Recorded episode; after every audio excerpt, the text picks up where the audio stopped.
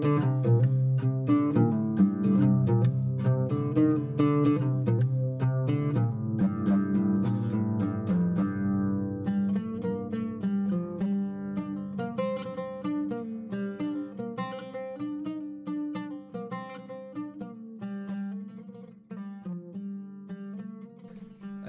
عليكم ورحمة الله وبركاته. أهلا وسهلا بمستمعينا في الحلقة الأولى من بودكاست ما وراء القانون. البودكاست اللي يهتم بكل ما يخص تخصص القانون. في حلقتنا اليوم راح نتكلم عن موضوع مر به أي قانوني في حياته. بالضرورة يكون مر به وهو أول يوم قانون. تتذكر يا سعادة القانوني الحالي كيف كان أول يوم قانون معك؟ كيف كان إحساسك؟ مشاعرك؟ حماسك؟ رهبتك؟ توترك؟ اليوم راح نتكلم عن هذا الشيء وراح نتكلم عن أمور ثانية. راح تفيد طلاب تخصص القانون أو الراغبين في دراسة تخصص القانون في المستقبل. خلينا نبدأ الحلقة. جالس في أمان الله بتتصفح تويتر وباقي وسائل التواصل الاجتماعي وفجأة تجيك رسالة تعلن قبولك في تخصص القانون. تبلغ أهلك وأحبابك وتنبسط بعدها في باقي إجازتك. تسمع بعض الدعاوي والتلميحات والألقاب الجميلة مثل يا رب نشوفك محامي كبير بالمستقبل أو يا سعادة المستشار. جميع هذه الألقاب وغيرها من الألقاب الرنانة لها إحساس حلو على النفس. فإذا كنت قانوني تذكر معايا كيف كان إحساسك.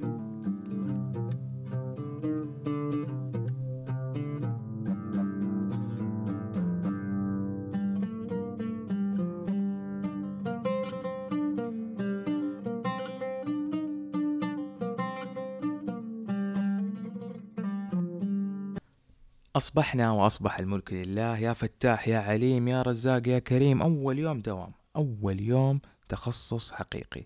تلبس ثوبك تلبس عبايتك تنظر للمراية نظرة سريعة وبابتسامة خاطفة تبدأ رحلتك.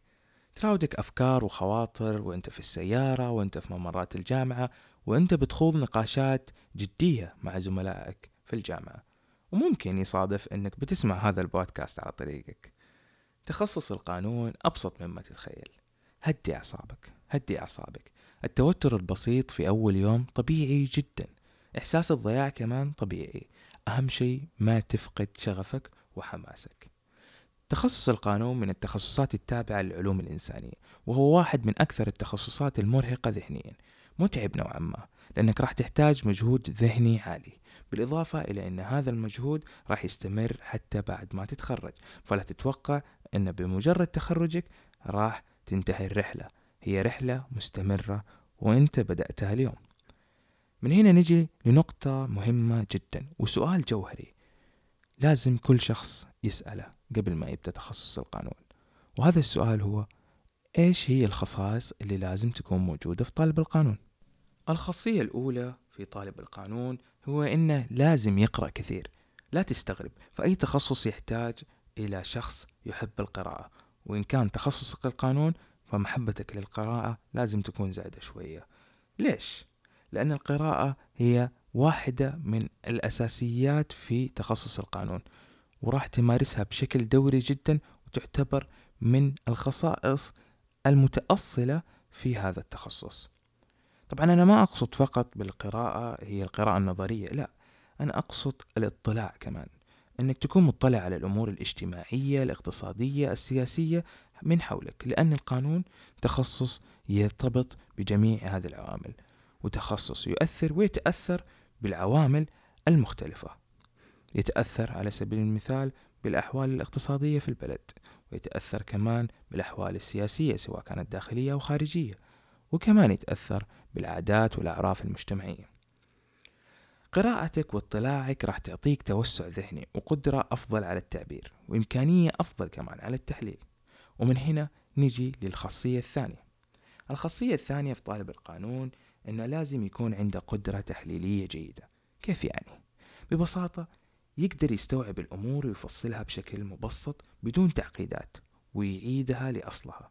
يعني يقدر يوصل بالتحليل إلى أصل المشكلة الأساسي لأن الفهم السليم هو الأساس للوصول إلى التكييف السليم.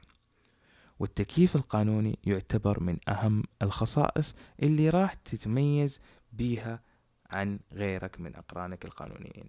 كل ما كان عندك قدرة تكييف قانوني أفضل كل ما كنت حتكون أفضل من زملائك. ومن هنا نجي للخاصية الثالثة. الخاصية الثالثة هي خاصية دقة الملاحظة. دقة الملاحظة وسرعة البديهة من الخصائص المهمة جدا للقانوني. والسبب أن الفهم السريع وملاحظة الأمور البسيطة بشكل سريع يعطيك الفرصة في بناء رد سريع.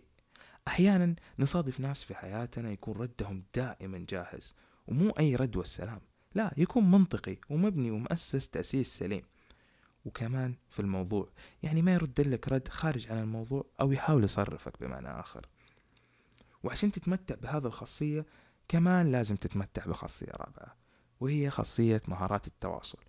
وخاصية مهارات التواصل تحتاج إنك تقدر تتواصل مع مختلف أصناف وأنواع البشر وهذا الشيء راح تبدأ فيه من أول يوم دراسة لك. راح تلاحظ بعض الاختلافات العقلية الذهنية والفكرية والاجتماعية في داخل أروقة الجامعة وهذا الشيء راح يعطيك مهارات تواصل جيدة ويقودك أيضا إلى الوصول للخاصية الخامسة وهي الذكاء الاجتماعي.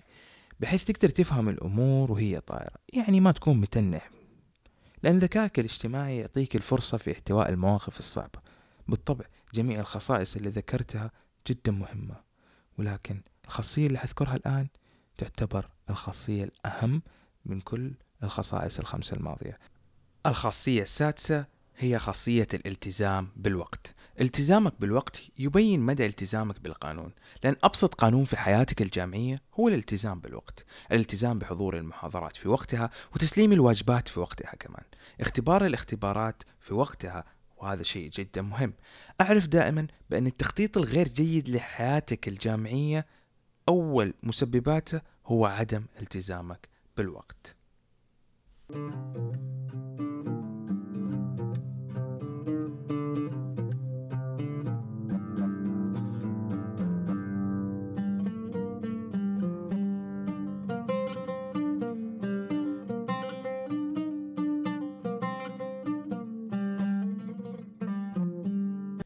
في الجزء الثاني من البودكاست اليوم راح أتكلم عن موضوع كثير راح تسمعه في أروقة الجامعة وممراتها هذا الموضوع هو موضوع الإشاعات المنتشرة في ممرات الجامعة وبين طلاب الجامعة. خليني أقول لك على ثلاث إشاعات راح تسمعها جدا كثير في الجامعة. الإشاعة الأولى هذا الدكتور سيء أعرف أنه رسب واحد من الشباب أنت بتنزل عنده. لازم تعرف بأنه ما في دكتور في الجامعة سيء. كل دكتور له أسلوب تعليم خاص فيه وأنت لازم تعرف هذا الأسلوب بأفضل وأسرع طريقة ممكنة. ليش؟ عشان تعرف إن كان هذا الأسلوب يناسبك تكمل مع الدكتور أو ما يناسبك تقدر تحذف المادة وتاخذها مع دكتور آخر. وعشان تقدر تتعامل مع جميع الدكاترة في الجامعة تحتاج لخاصيتين فقط الالتزام والتركيز. طول ما أنت ملتزم ومركز هتكون موادك مع جميع دكاترة الجامعة سهلة. الإشاعة الثانية.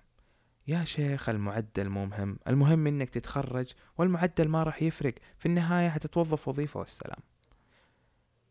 لازم تعرف إن التنافس في سوق العمل الآن أصبح جدا صعب وأنت تحتاج إلى إنك تكون مؤهل للتقديم على جميع الوظائف والفرص المتاحة لك. على سبيل المثال حاب تطلع تدرس وتكمل الماجستير والدكتوراه إن شاء الله. لكن دراسة الماجستير تتطلب أنك يكون عندك معدل عالي في البكالوريوس عشان يقبلوك في البعثة. فأنت الآن قتلت فرصتك في البعثة بسبب عدم اهتمامك في المعدل. الإشاعة الثالثة المعدل لو طاح عمره ما يرتفع.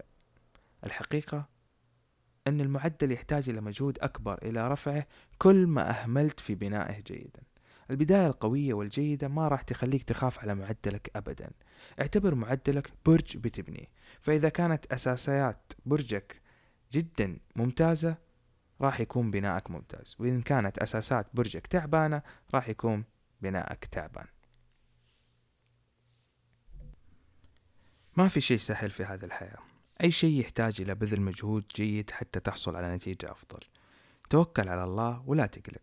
لأن الرحلة راح تكون ممتعة جدا. وفي ختام حلقتنا اليوم راح ننصحكم بكتاب وإن شاء الله في كل حلقة من حلقات بودكاست ما وراء القانون حيكون عندنا كتاب ننصحكم بقراءته. كتابنا لليوم هو كتاب الدكتور وافي بن عبد الله الكتاب بعنوان كيف تحقق أهدافك الدراسية.